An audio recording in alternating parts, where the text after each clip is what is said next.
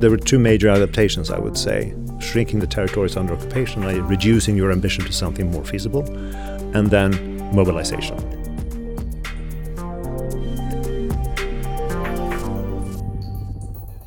Hi, this is a special edition of the FOI podcast. The Swedish Defence Research Agency, or FOI for short, is an independent research institute under the Ministry of Defence. We provide cutting edge technical research and political analysis in the fields of defense and security. In the coming weeks, we'll release four episodes where we'll be talking to the researchers behind the report Russia's War Against Ukraine in the West, the first year. Both the report and the podcast are in English to make it available for our international audience. And you can download the full report at www.foi.se/reports. And just a quick note, all the episodes were recorded before June 24th.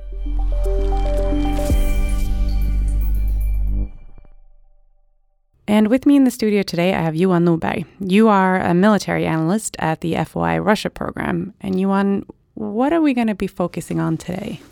Uh, we're going to talk about how the war, or the first year of the war, has changed Russian military capability, the way we assessed it before the war.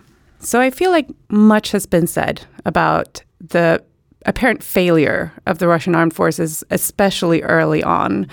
But what is your take on what happened there in February and the first couple of weeks of the invasion? My impression now, when I look back, well, at the time I was merely stunned. Why are they doing it like this? This is not what I thought. And there were sort of these spectacular and very well published failures, um, the long column uh, coming north towards Kiev, etc., etc. But I think what what happened when you look back is that this was an invasion that was planned very poorly, both politically and consequently militarily, because politics always rules what the military does. So there was political wishful thinking and very many assumptions apparently about how Ukraine would react, how the West would react. And the Russian military was asked to do a war that it hadn't really planned for or trained for. And since operational secrecy was such a priority, forces didn't know until at the very, very last minute, almost literally speaking, that they were going into war, and that that doesn't make for good preparations. And also, I think, that, and also the basics of the war that Ukraine is big. It always looks small when you look on the map in your iPhone, but it's huge, and it's a population of 40 plus million before the war, which means that it's a quantitatively speaking a huge military undertaking to just go in there and try to take and hold pieces of it. As an analyst who's been following Russian military capabilities for years, how surprised were you? I honestly thought they wouldn't do it. I thought, for military reasons, that they wouldn't take the political decision to go in. Because I looked at the map, I looked at what the forces available were, what the, the intelligence of the day or the published intelligence of the day said that the force was. And 200,000 or upwards of that to take Ukraine? No, this is too big. So I thought, no, no, they're bluffing, they're putting pressure on the world and coercing, etc., to get what they want in negotiations and politics. And you know, when after one year of war, you can say, yeah, I was right militarily. It was a huge task. They didn't pull it off. So I was right militarily, but wrong politically. My one-liner joke is I was completely wrong for the completely right reasons.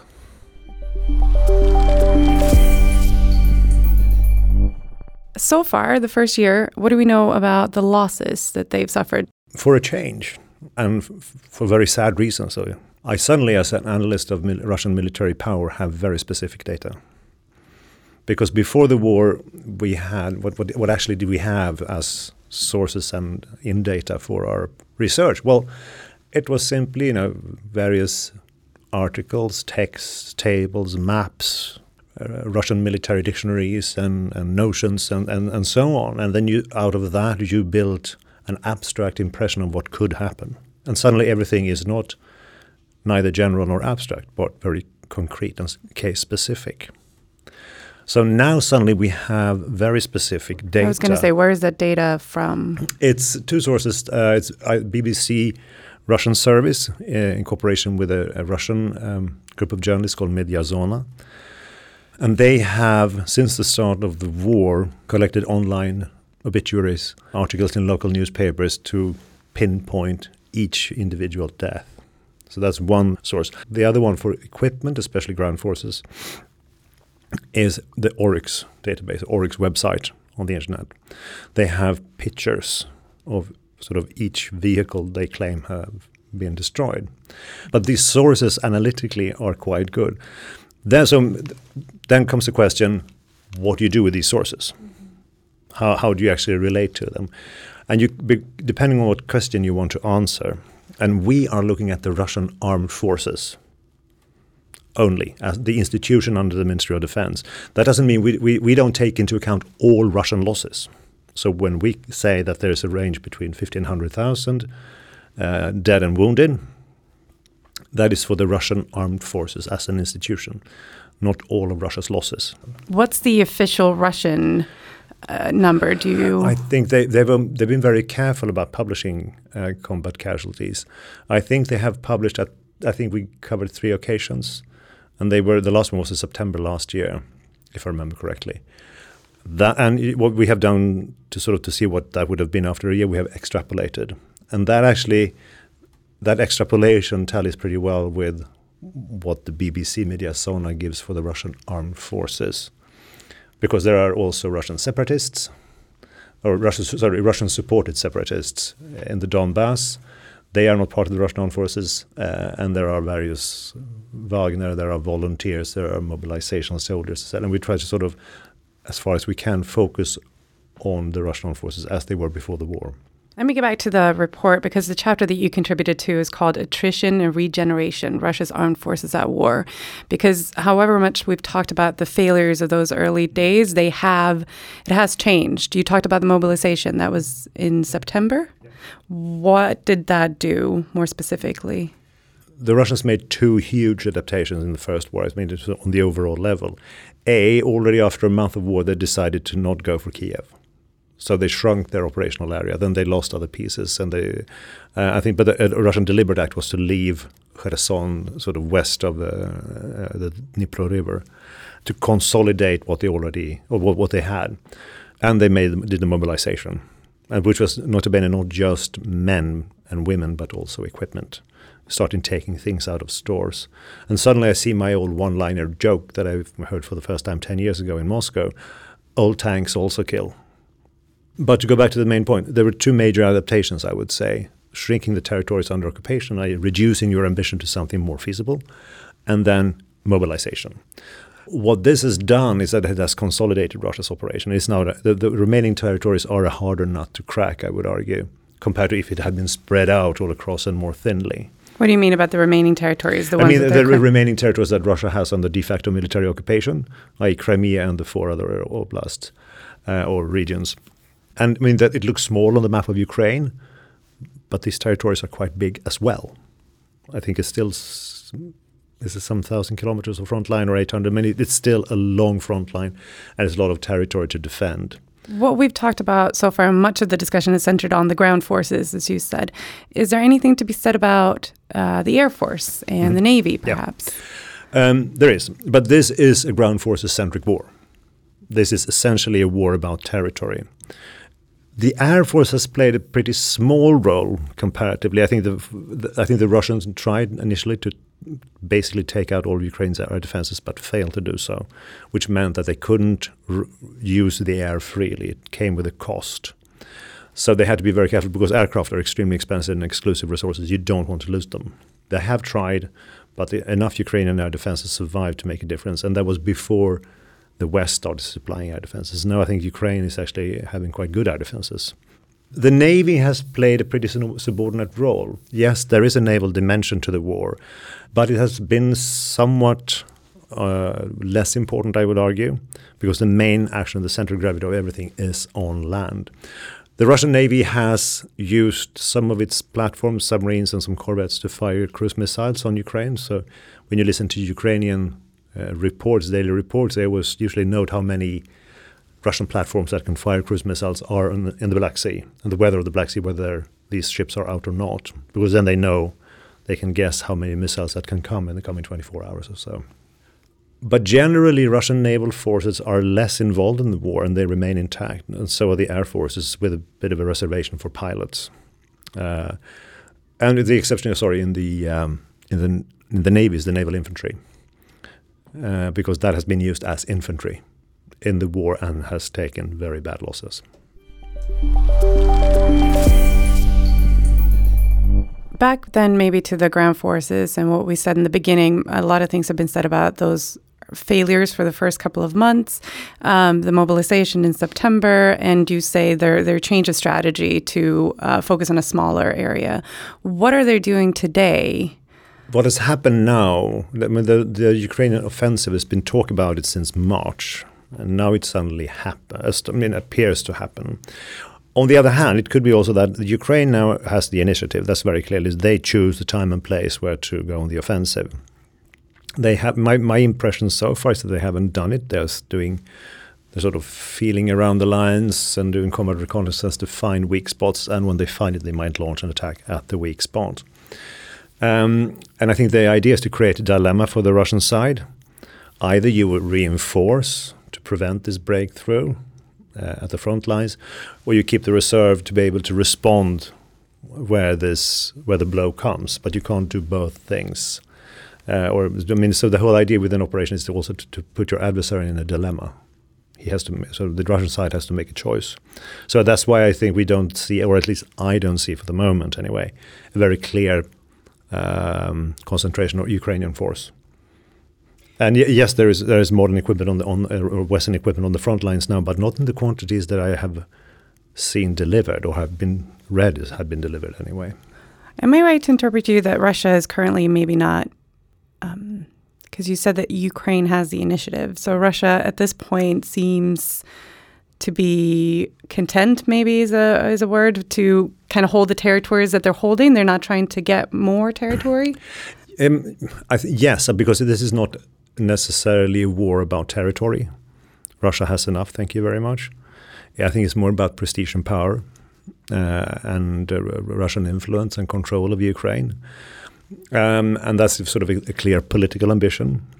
But it's very hard to materialize that into a clear military end state unless you occupy whole of Ukraine. And Ukraine is simply too big. It's going to be very hard to do that. So for the moment, I think the Russians are content with defending what they have. And also, they are playing for time. They're trying to tire out both Ukraine and, and the West. Yeah, because I mean, this is a de facto war of attrition between the West and Russia. Um, and they hope that we will give up. So, I mean, we often get the question, when is the war over? And that, I mean, I understand the question. It's, it's a perfectly understandable question. But my response is then always, well, we, sim- we simply don't know. It depends on us, and the question just betrays our, betrays our impatience. As soon as we sort of start radiating, oh, when is it over? This is this is burdensome. This is uh, oh, awkward and all that, uh, and terrible, and we don't want any more of it. I can imagine people smiling in the Kremlin.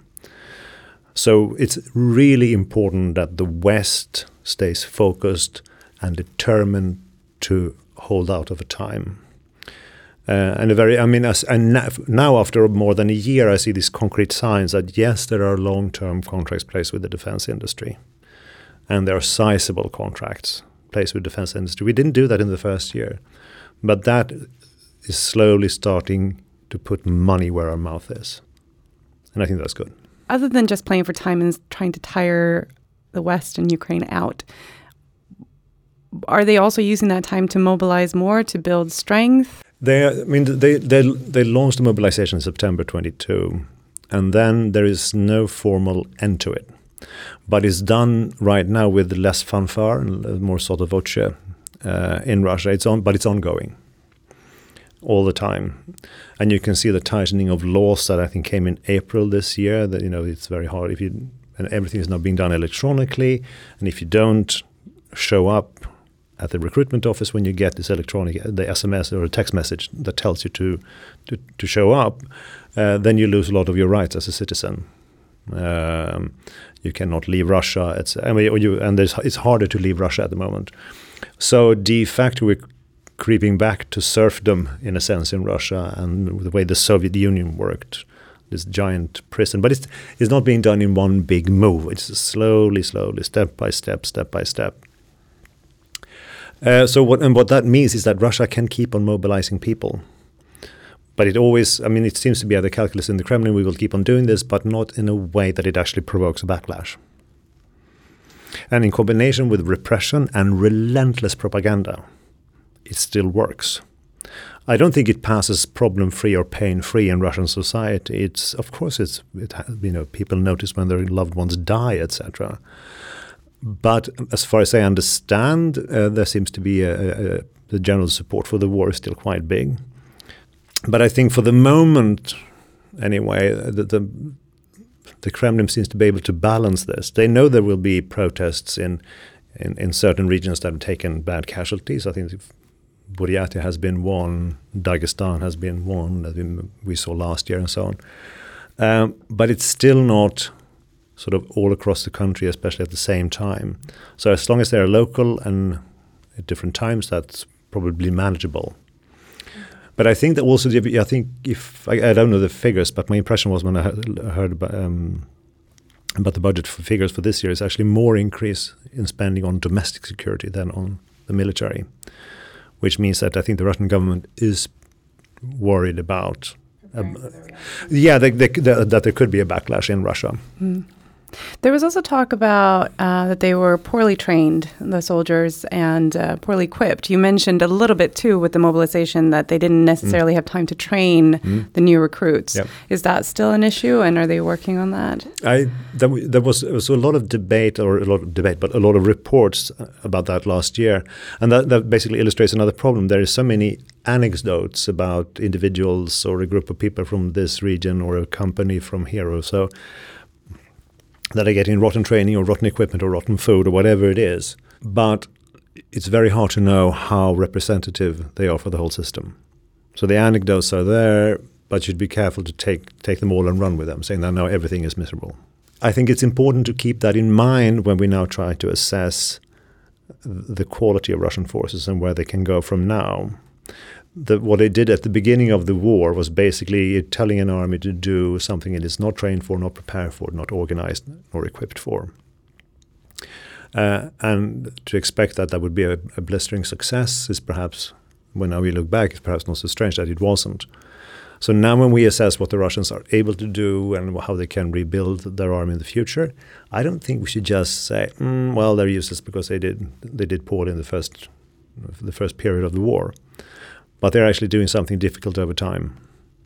Uh, that we should keep in mind.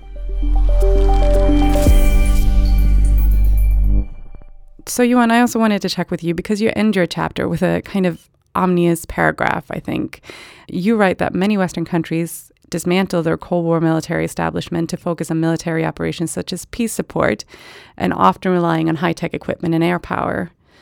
And for such countries, the scale and scope of this ground centric war has been a rude awakening. And then you refer to this old axiom that the nature of war is permanent, but its characteristics constantly changing. War is about, in a sense, about killing each other in an organized way, and that is very awful.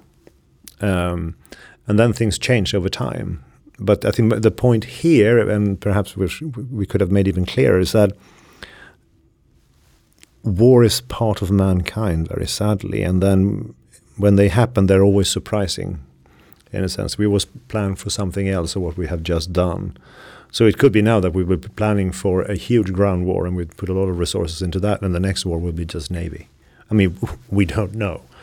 Um, so the point here is that sometimes we try, we want to try to predict the future in a very specific way. This is going to be Russian military capability in a ten-year perspective, and then when we have done that, sort of been able to sort of specify that very future, we will start planning our military forces to build to match that future. Well, first of all, it's very hard to pinpoint the future in such specific terms. I can actually start planning for it. Um, and even if you do and you start this long planning force building process, uh, there are so many other factors influencing that that you'll never get to that point anyway. So the whole point is here actually either is more binary in a sense and more straightforward. Either you have a military force or you don't, and you you can never specify an exact future. So just make sure you have a ground capability that can actually do some kind of fighting and not just bits and pieces everywhere. Um, and that you can do coherent or large larger scale air operation, not just two or three aircraft, and the equivalent for the navy, and that they could do things together properly, and that you actually train it Because it's one thing not doing it on PowerPoint or command post exercises, but then actually having large scale exercises with all things involved. Uh, that's that's more difficult, and also having exercises that are not just parades and that they're very carefully scripted and you move your forces according to a very precise schedule, and and you, then you basically uh, but you don't allow things to go wrong because you don't have an interaction from an enemy in. In, in peacetime exercises, nobody shoots at you. In war, people shoot back and really try to thwart your plans. So I think an important thing to have in exercises is that you allow them to go wrong. And what do you do when things go wrong? There is always a, um, conflict of interest because that would be a good training aspect for certain parts of the system. On the other hand, it would be very boring for many soldiers because they just have to sit and wait and cost a lot of money doing nothing, and that's bad for morale. So you always have to make the balance.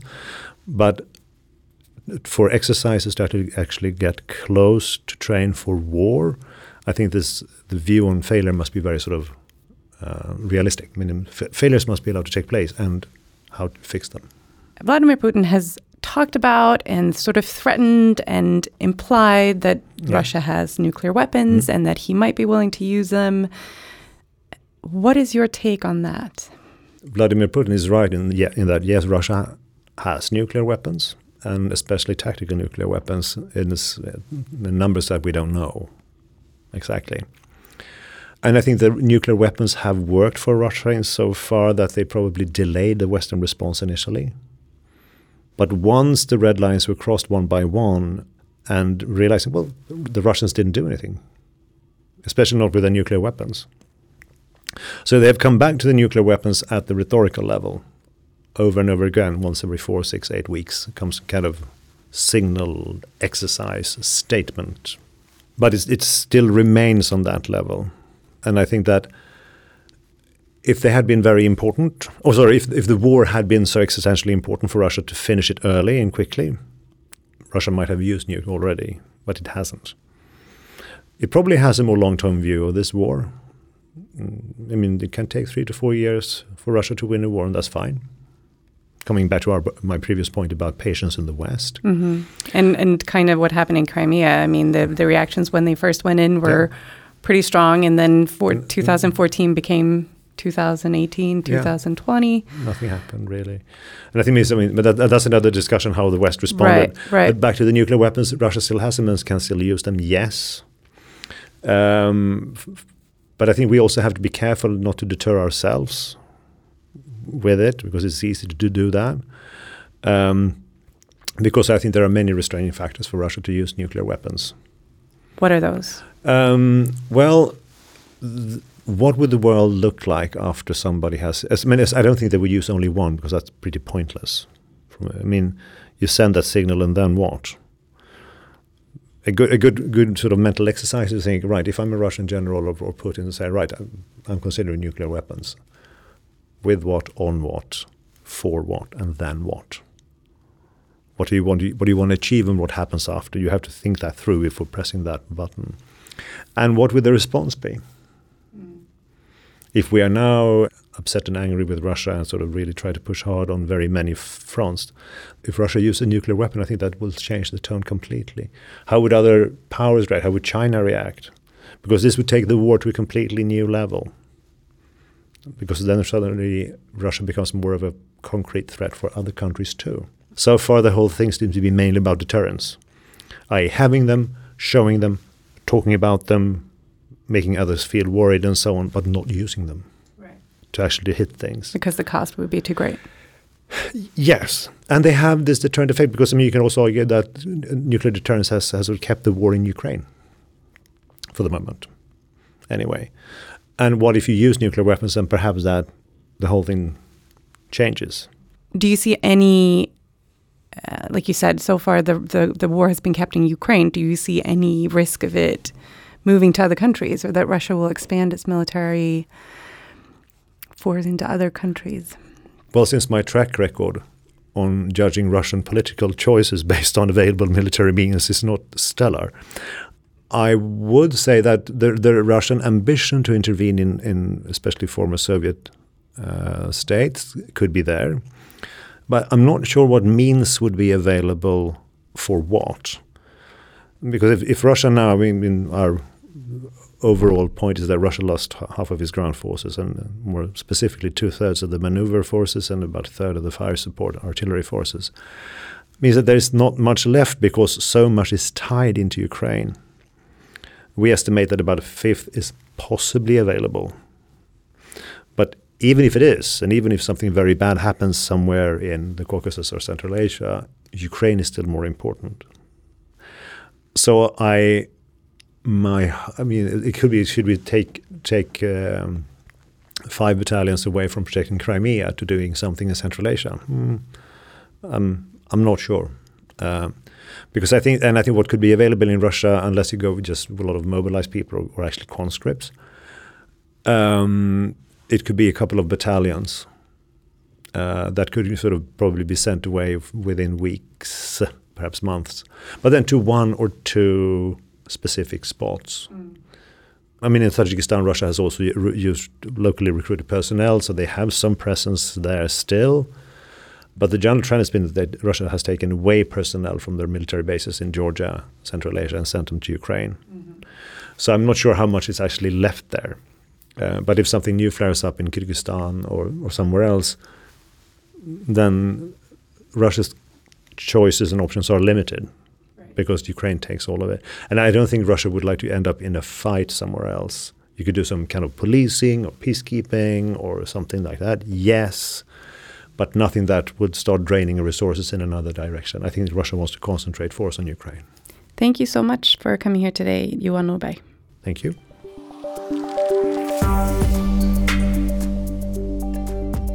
My name is Kaisa Collin, and this podcast was produced by the Swedish Defense Research Agency.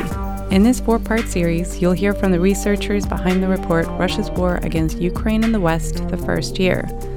To find out more and download the full report, visit www.foi.se.